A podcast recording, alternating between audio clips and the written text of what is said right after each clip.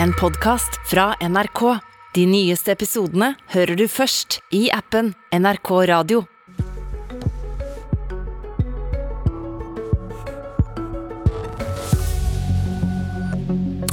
Arbeiderpartiet advarer mot mer høyrepolitikk.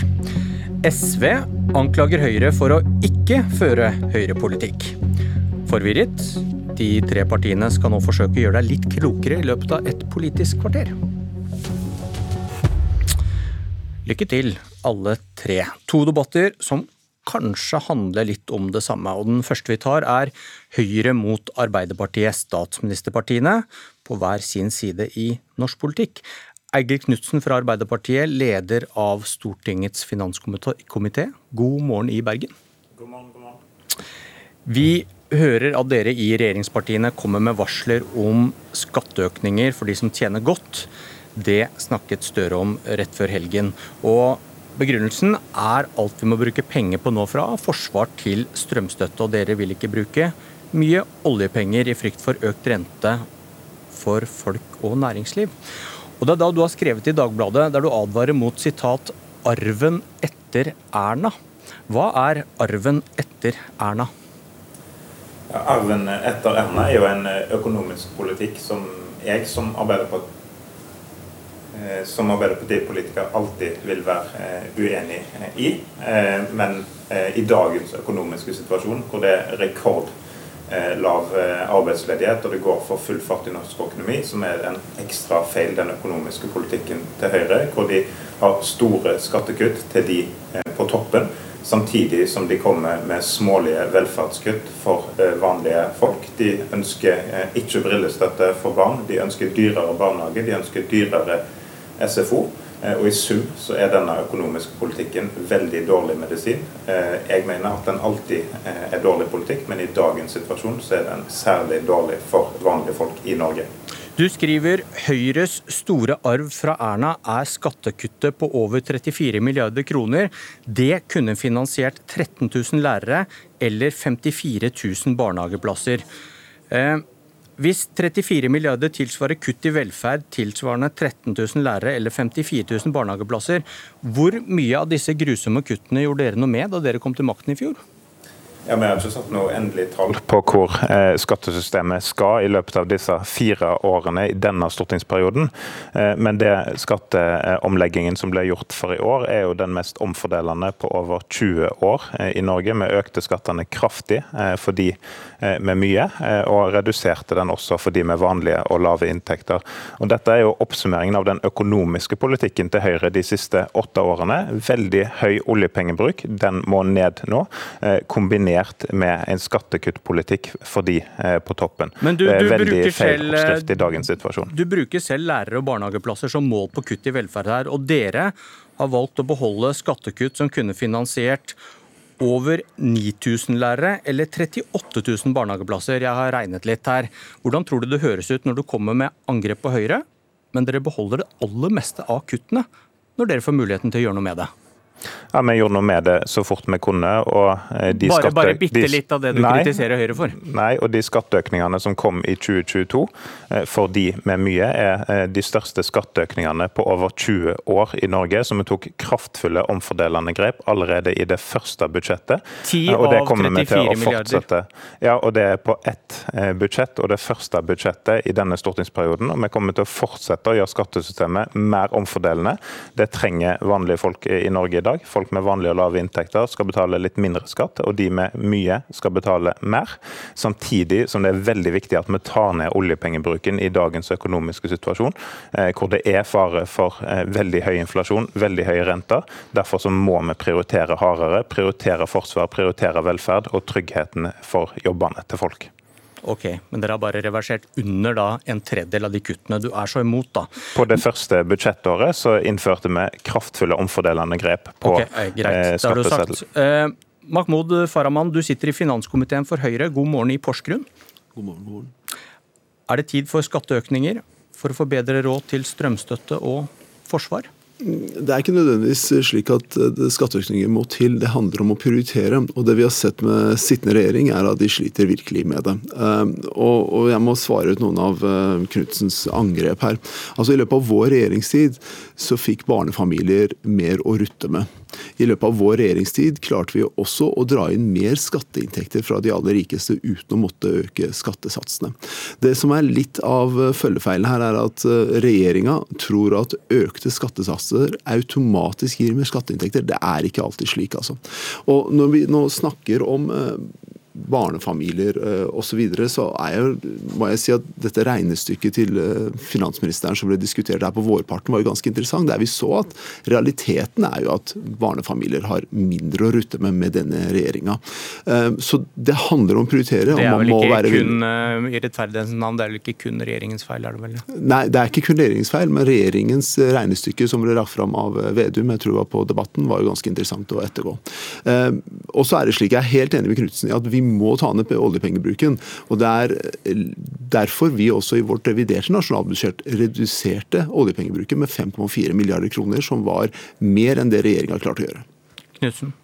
Ja, Det er verdens enkleste sak å redusere den i opposisjon. Det har jeg erfaring med eh, sjøl. Eh, og eh, det Høyre gjorde i revidert budsjett, var jo bare et grep som ville ført til litt høyere gjeld i Kommune-Norge.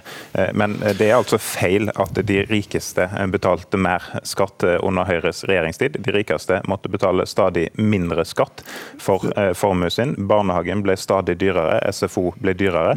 Alle de tingene går i motsatt retning nå. Skattesystemet blir mer omfordelt fordelene. De rikeste må betale mer skatt år for år, samtidig som vi gjør det litt enklere for eh, barnefamilier med billigere barnehage og SFO. Det er rett politikk når mange andre priser øker i samfunnet, sånn som nå.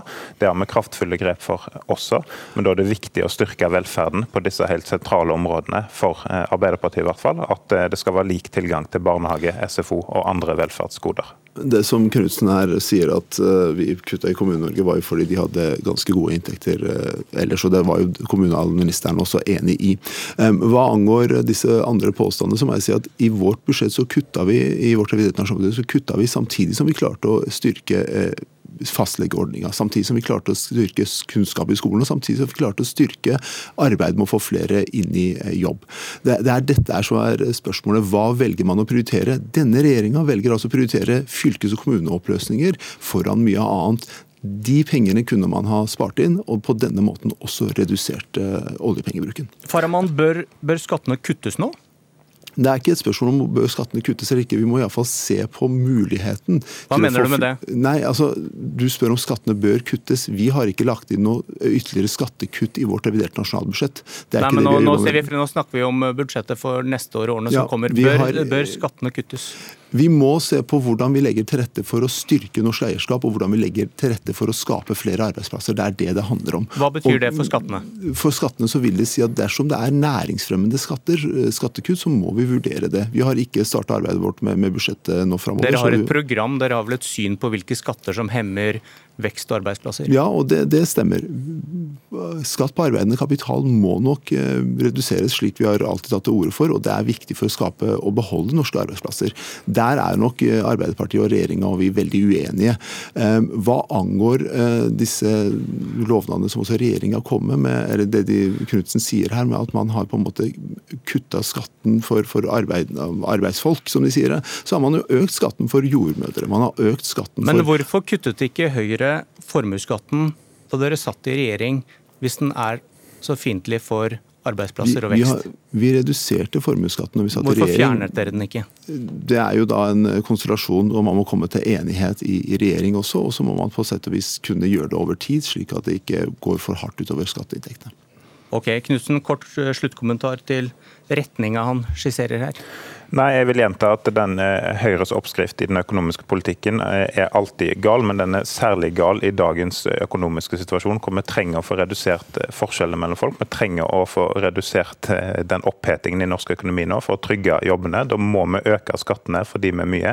Vi må omfordele bedre, vi må prioritere hardere. Prioritere forsvar og velferd og trygge jobbene til folk, og det kommer regjeringen til å gjøre i budsjettet til høsten.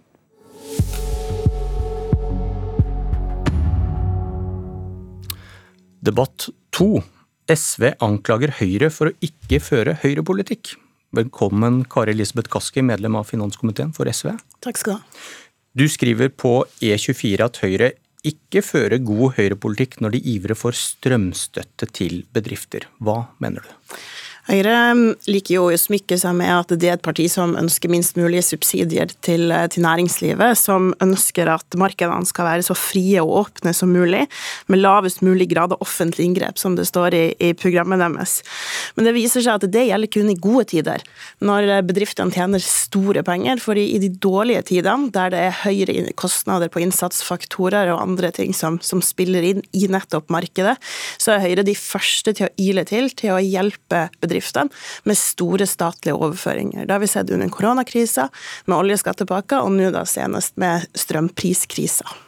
Og hva burde Høyre da kjempet for, hvis de skulle ført god Høyre-politikk i møte med bedrifter som sliter med strømregninga? Nei, Høyre bør eh, erkjenne at det å starte og drive bedrift, det er å ta risiko. Og Det betyr at du tar og legger inn en investering som du kan få avkastning på når det går godt i markedet.